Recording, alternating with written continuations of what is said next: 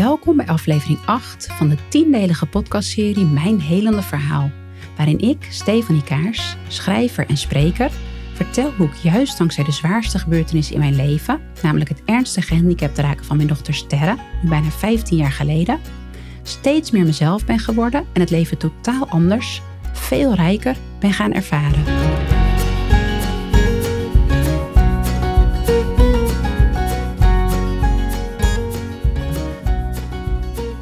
Sterre typt steeds beter en sneller met haar ogen. Langzaam maar zeker verandert haar spraakcomputer van een bron van frustratie tot een hulpmiddel dat ons begint te dienen. Sterre is nu 10 jaar en typt ook als een tiener. Jullie mogen niet meer in mijn kamer komen als ik er niet ben. Als ik uit school kom, stofzuigen we samen wel mijn kamer. En oma hoeft niet meer aan jullie te vertellen wat ik heb gegeten als ik bij haar ben geweest. Dat is kinderachtig. En jij hoeft ook niet meer de baas te zijn over mijn kledingkast, mama. Dat soort zinnen klinken er uit Sterres computer door onze woonkamer. Maar Sterre typt ook minder grappige zinnen. Hoe moet het straks als jullie te oud zijn om voor mij te zorgen? vraagt ze bijvoorbeeld. Sietse is pas zes, maar voelt feilloos aan hoe hij zijn zus kan geruststellen. Oh, als papa en mama dood zijn, zorg ik wel voor jou, Sterre, zegt hij. Sietse is trouwens tegelijk ook helemaal geen zes.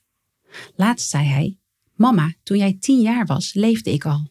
Toen was ik aan het wachten in de geboortekamer. Waarop? vroeg ik. Op jou, mama, tot jij eraan toe was. Tot jij eraan toe was om mij te krijgen, zei hij. Hij is ook zo'n sensitief kind wat door onoprechtheid of dubbele bodems heen prikt. Als vijfjarige zei hij het allerliefste. Mama, de dag van jouw begrafenis. Ik zal er wel naartoe gaan, maar het zal de ergste dag van mijn leven zijn. Waarom gaat de liefde tussen een moeder en een zoon toch altijd zo diep? zei hij. Ik ben trots op allebei mijn kinderen. Maar helaas typt Sterre ook dingen die Sietse, nog Mark en ik kunnen oplossen of sussen. Er is zo weinig wat ik zelf kan doen, typt ze bijvoorbeeld. Dat blijft heel moeilijk voor haar. Fysiek wil ze dolgraag meer kunnen. Op een dag kondigt ze zelfs een hongerstaking aan. Ik neem geen lekkers meer omdat ik er zo van baal dat ik het niet zelf in mijn mond kan stoppen, typt ze. Gelukkig houdt ze dat maar een paar uur vol. Ook typt ze: Ik heb geen vrienden of vriendinnen. Daarna rijd ik haar gauw naar de speeltuin vlakbij ons huis, waar twee iets jongere meiden rondhangen op een schommel. In Sterres naam vraag ik of zij Sterres kamer willen zien en dat vinden ze leuk. Toch komt het niet echt tot spelen.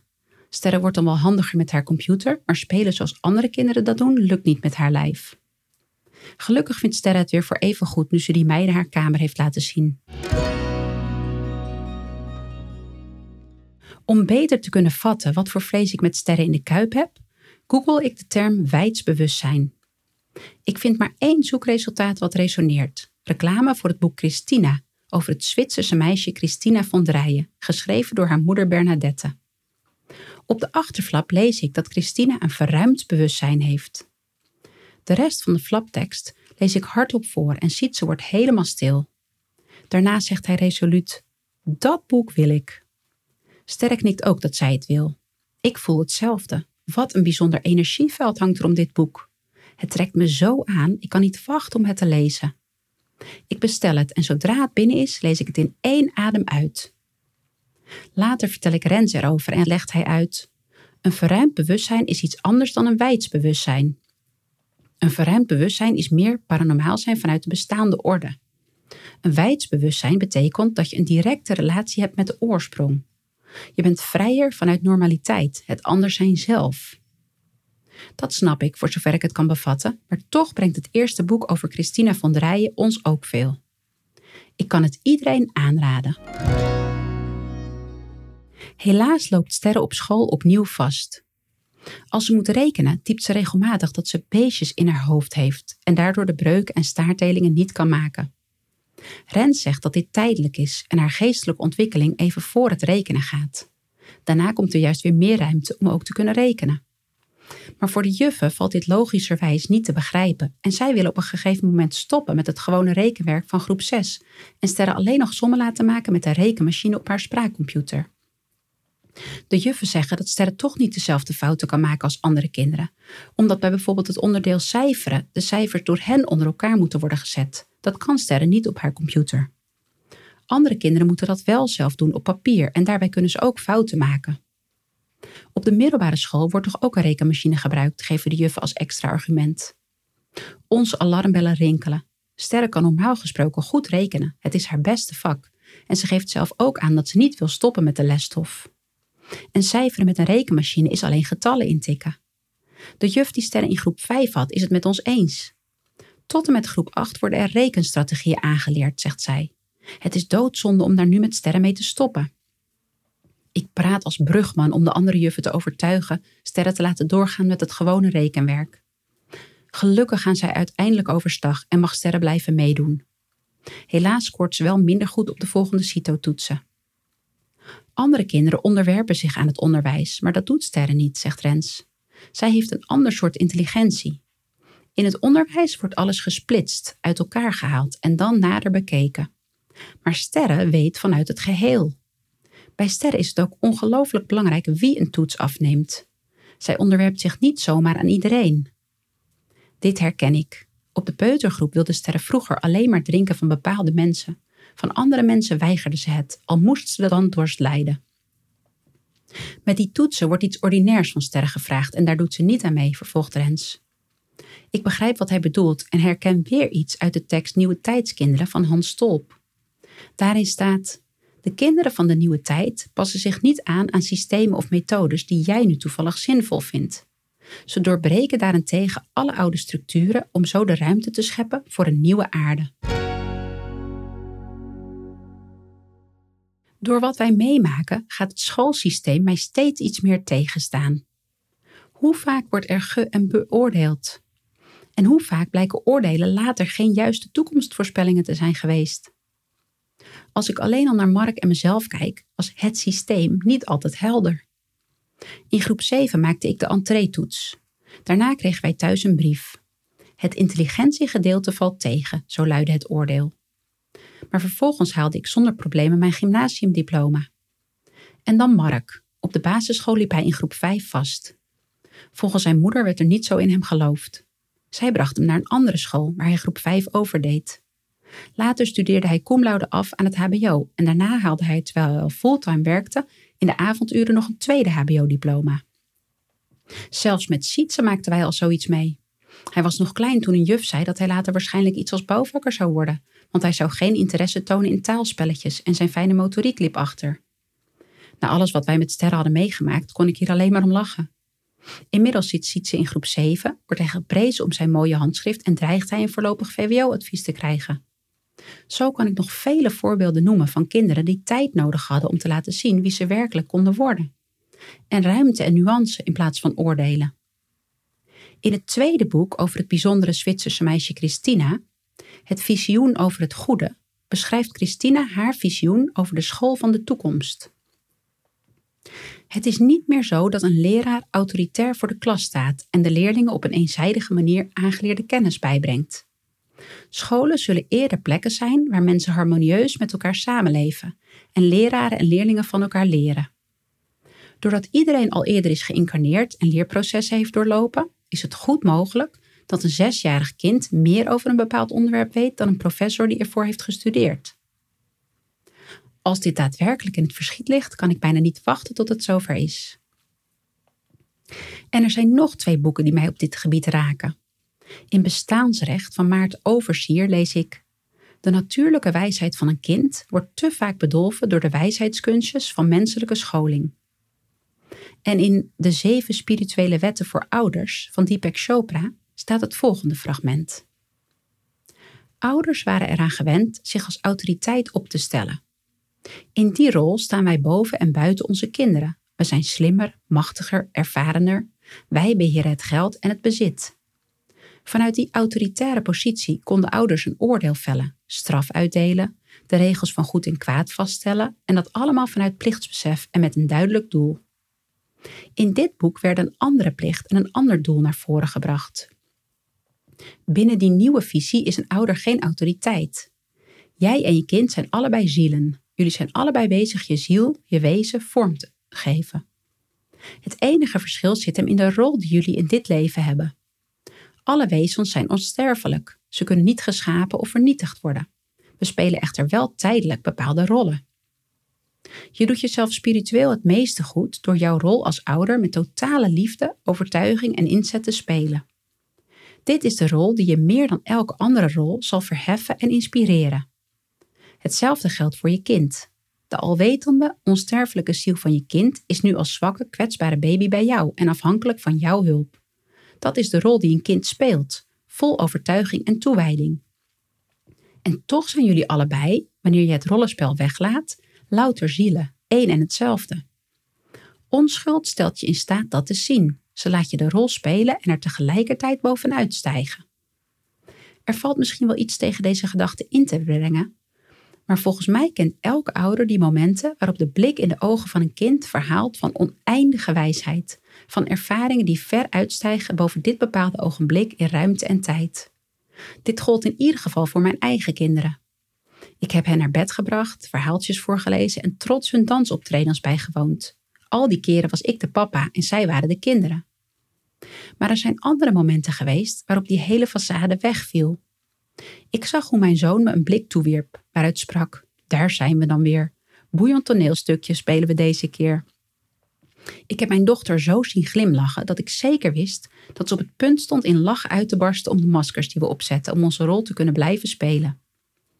In die dierbare blikken en lachjes voelde ik de band van de onschuld, die sterker is dan liefde, omdat ze de liefde transcendeert. Elk gezin is niet zomaar een cluster met zijn eigen triomfen en mislukkingen, maar een gemeenschap van zielen. We hebben niet alleen de plek waar we wonen, de school die we bezoeken of onze broodwinning met elkaar gemeen. We bevaren samen de zeeën der onsterfelijkheid en dat is onze werkelijke band. Wanneer je verder kunt kijken dan dit rollenspel en desondanks je rol met liefde en toewijding kunt spelen, ben je volgens mij waarlijk spiritueel in je benadering van het ouderschap. Dit komt overeen met mijn visie. Zelfs pasgeboren baby's zijn geen onbeschreven blad. In de vakantie gaan we weer met Sterren naar het Antwerpse Trainem, waar de therapieën prima verlopen. Maar als we terug zijn, begint Sterre hard te huilen en wordt ze heel boos. Pas na een half uur kan ze spellen wat er is. Ik wil nu lopen, spelt ze. Ik wil ook buiten spelen met Timo, zoals Sietse meteen deed toen we uit de auto kwamen. Als ze even later weer rustig genoeg is om achter haar computer te zitten, typt ze. Later ga ik ook elke dag zelf naar buiten, maar ik kom wel op tijd terug voor het avondeten. In de aanloop naar onze volgende afspraak met Rens ben ik weer duizelig en gaan de droger en auto kapot. Ik weet dat dit met elkaar te maken heeft. De laatste weken van mijn zwangerschap van Sterren begaven ook bizar veel apparaten het. Er ontstond toen zelfs plotseling een grote barst in het binnenste glas van ons badkamerraam. Iets wat volgens Mark technisch gezien eigenlijk niet kan. Deze keer legt Rens uit. De, de droger en auto gingen kapot door jouw energie. Nieuwe kracht genereert heel veel nieuwe energie.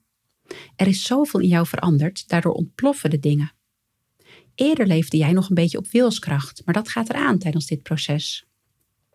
Dingen worden actief en branden op. Er zit een portie lijden aan. Je vervangt iedere keer de bestaande orde en dat verloopt niet altijd geruisloos. De bestaande orde slaat terug en het maakt niet uit hoe je daarop reageert. Je hebt een pakket rommel bij je en dat moet worden opgeruimd. Je schoont de hele geschiedenis op en je laat generaties na jullie schoner achter hierdoor. Jouw breken maakt weer ruimte voor sterren. Sterren is nu groter dan jullie. Ze heeft een grotere maat van zijn, vervolgt Rens. Ze gaat richting haar thuisgrond. Wij merken het aan Sterren. Ze is op alle vlakken zoveel stabieler en ze leest steeds sneller. Ik vraag ook nog naar Sterres nek. Op een foto die vlak na haar geboorte werd gemaakt, kun je zien dat haar nek toen al, dus nog voor de reanimatie, heel slap was. Meerdere mensen in mijn familie hebben nekproblemen. Zit daar een verband tussen? Na een korte stilte antwoordt Rens: Er is een onheilzaam krachtenveld in jouw moederlijke lijn. Dat is van één persoon en heeft een onheilzame invloed. Dit zorgt bij sommige mensen in jouw familie voor een schaduw bij de nek. Hoewel ik zelf geen nekklachten heb, resoneren Rens woorden toch. In de tekst over nieuwe tijdskinderen van Hans Stolp las ik eerder ook dat deze kinderen het karma, de levensconflicten en levensvragen van hun ouders en voorouders kunnen overnemen. Bovendien wees Olof Smit mij ook op energetische belasting in mijn moederlijke lijn. Olof kon, dit voor mijn gevoel alleen niet verhelpen, maar blijkbaar mag dit thema nu bij Rens aan het licht komen. Rens behandelt mij om het onheilzame veld weg te halen. Herinner mij er de volgende keer aan dat ik check hoe het ervoor staat met dit veld, zegt Rens als wij weggaan. Op de terugweg spat er een steen van de weg keihard op de voorruit van onze auto, waardoor een ster in het glas ontstaat. De bestaande orde komt in opstand, zullen we maar zeggen. Twee maanden later zouden Mark, Sterre en ik weer met z'n drieën naar Rens gaan, zoals nu onze gewoonte is. Maar Sterre wordt uit het niets wakker met 39,6 graden koorts. Ze huilt omdat ze zo niet naar Rens kan. Ze wil graag, maar het gaat niet. Even denk ik dat we de afspraak moeten verschuiven. Maar dan voel ik onmiddellijk heel sterk dat dit niet de bedoeling is. Ik snap het niet, maar weet het 100% zeker. Ik moet vandaag alleen naar Rens. Mark kan bij Sterren blijven. In de praktijk herinner ik Rens aan het onheilzame krachtenveld in mijn moederlijke lijn. En hij zegt dat er maar een fractie van weg is. Dat verbaast mij niet, want zo voelt het ook. En ik maakte de afgelopen tijd weer behoorlijk heftige dingen mee. Onder andere een botsing met onze auto tegen een schutting. De schaduw die door jouw familie loopt slaat terug, zegt Rens. Soms gaat het niet in één keer weg, legt hij uit. Dit veld blokkeert sterren ook, het werkt op haar door. Als ik vraag hoe zoiets ontstaat, bijvoorbeeld doordat een voorouder iemand heeft vermoord of iets dergelijks, zegt Rens, zoiets ja. Maar je hoeft er niet meer over te weten, er valt niets te halen. Sommige mensen in de familie raakt het niet, die fietsen er doorheen. Maar jij bent er heel gevoelig voor, zegt Rens ook. Jij bent die schaduw gaan compenseren door alles op wilskracht te doen. Als ik vraag of ik me dan ook beter ga voelen als dit weg is, zegt Rens, zeker. Je gaat dingen dan vanzelf doen, terwijl je niet eens weet waarom. En dat is de juiste weg. Rens behandelt mij dus opnieuw om het krachtenveld weg te halen. Wat gaat Sterre hierna vooruit? Op woensdagmiddag breng ik Sietse naar de jeugdtheaterschool. Sterre is dan een uur alleen thuis. Ik zorg dat ze daarvoor heeft gegeten, gedronken en naar de wc's geweest. Dan kan dit. Ster is in dit opzicht een gewone elfjarige die zich prima vermaakt met haar computer. Zolang ik de voordeur op slot doe, zodat er niemand onverwacht binnenkomt en haar computer is opgeladen, vindt Ster het helemaal goed om even alleen te zijn. Maar als ik deze keer terugkom, blijkt er een foutmelding op haar computerscherm te staan, waardoor Sterre hem niet meer met haar ogen kan bedienen. Eerder raakte ze in paniek van dit soort situaties, want haar spraakcomputer is heel belangrijk voor haar geworden. Maar nu is ze volkomen rustig, ze lacht alleen maar. Als ik de foutmelding heb weggeklikt en de oogbediening weer werkt, typt Sterre. Ik deed op afstand een spel met Anja en daarna hebben we samen wentelteefjes gegeten. Ik glimlach. Sterre vermaakte zich dus met behulp van telepathie, een manier waarop ik ook vaak contact met haar heb. Later vertelt Anja dat ze Sterre die middag duidelijk voelde. In het boek Superbrein van Deepak Chopra en Rudolf Tansi lees ik. Al in de jaren 60 demonstreerden de onderzoekers Duane en Berend dat de hersengolfpatronen van twee personen die op een andere plek zijn zich op elkaar kunnen afstemmen. Niet alleen tweelingen kunnen dit, ook moeders voelen vaak feilloos aan wat hun pasgeboren baby doormaakt. En hetzelfde geldt voor helers die bezig zijn met patiënten. Er is onderzocht dat een individu op afstand een meetbare fysieke invloed kan uitoefenen op iemand anders. Empathische verbondenheid bestaat echt. Ze kan de ruimte overbruggen die er lijkt te bestaan tussen jou en mij. Deze verbondenheid is niet fysiek, ze is onzichtbaar en strekt zich uit tot buiten het brein. Ik heb geen ziekte en ik heb ook geen cerebrale parese. Ik kan alleen wat minder, diept Sterre. Woorden naar mijn hart. Al jaren hang ik de theorie aan dat het belangrijk is om je niet te identificeren met een ziekte. Als je dat doet, haal je de collectieve, negatieve lading van het verhaal rondom die ziekte op je schouders. Wat de statistieken zijn, waar jij dan niet onderuit zou kunnen komen, de beperkende overtuigingen die andere mensen erover hebben en het algemene gevoel dat je zielig zou zijn als je überhaupt iets hebt. Cerebrale parese wordt ook nog eens omschreven als een handicap met een blijvend karakter.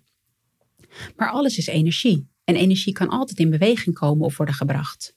Alles verandert voortdurend, zowel binnenin als buiten ons. Niets is eigenlijk blijvend, toch?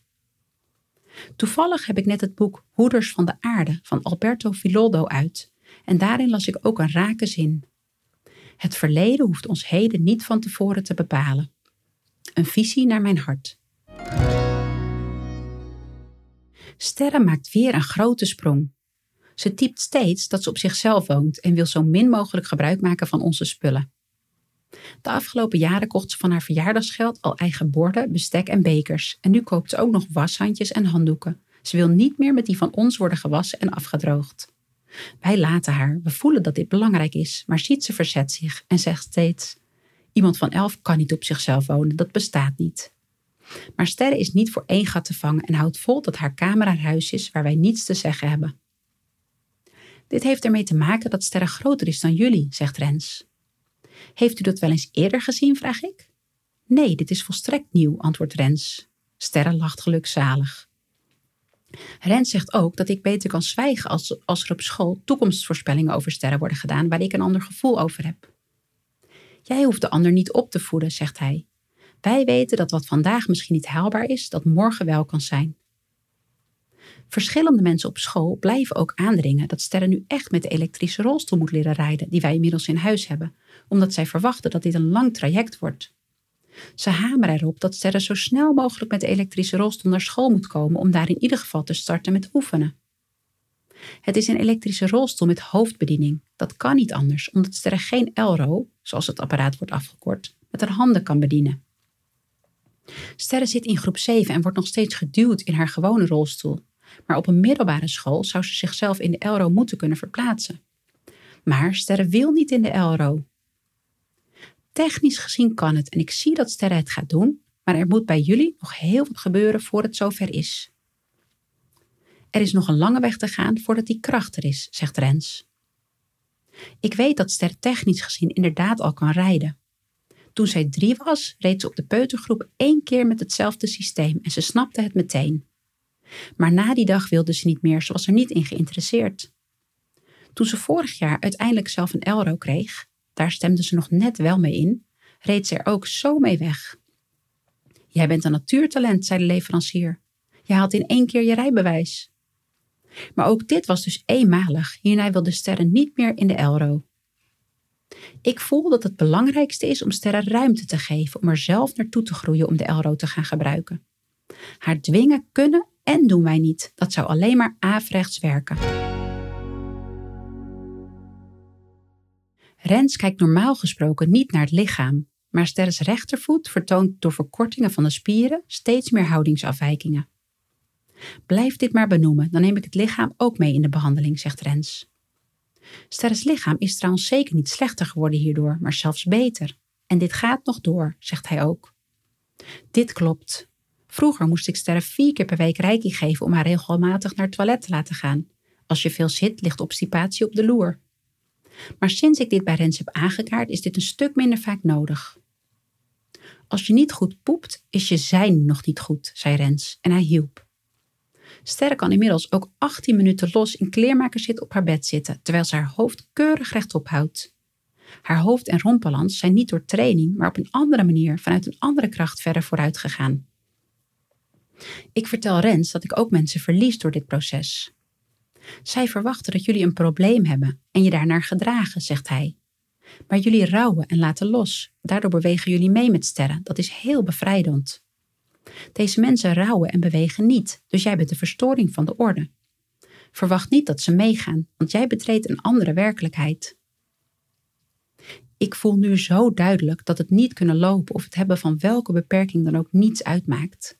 Want het is sterren. Als iemands ogen jou zoveel geven dat je daardoor wordt opgeladen, dan word je alleen maar gevoed en kun je diegene verzorgen zonder uitgeput te raken. Ik ben zo intens gelukkig, zeg ik, Zeg dat vooral niet hardop, want dan ben je nog meer een verstoring van de orde, lacht Rens.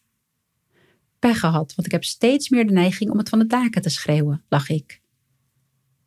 Zoals vaker vraagt Mark nog wat hij kan doen om dit proces te ondersteunen of bespoedigen. Niets, zegt Rens. Het leven gaat jou beetgrijpen en jij wordt steeds ontvankelijker voor de signalen. Over 20 tot 30 jaar is dit gemeengoed. Jullie en vele anderen komen hier en daar gaan andere mensen ook weer op resoneren.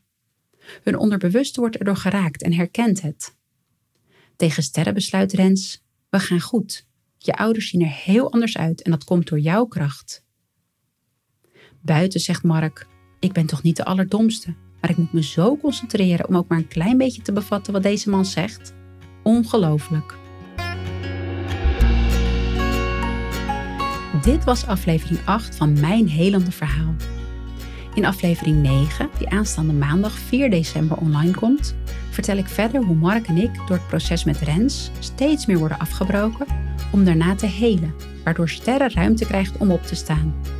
Dankjewel voor het luisteren. Laat alsjeblieft een review achter en abonneer je op deze podcast als je niets wilt missen. Hopelijk tot de volgende aflevering.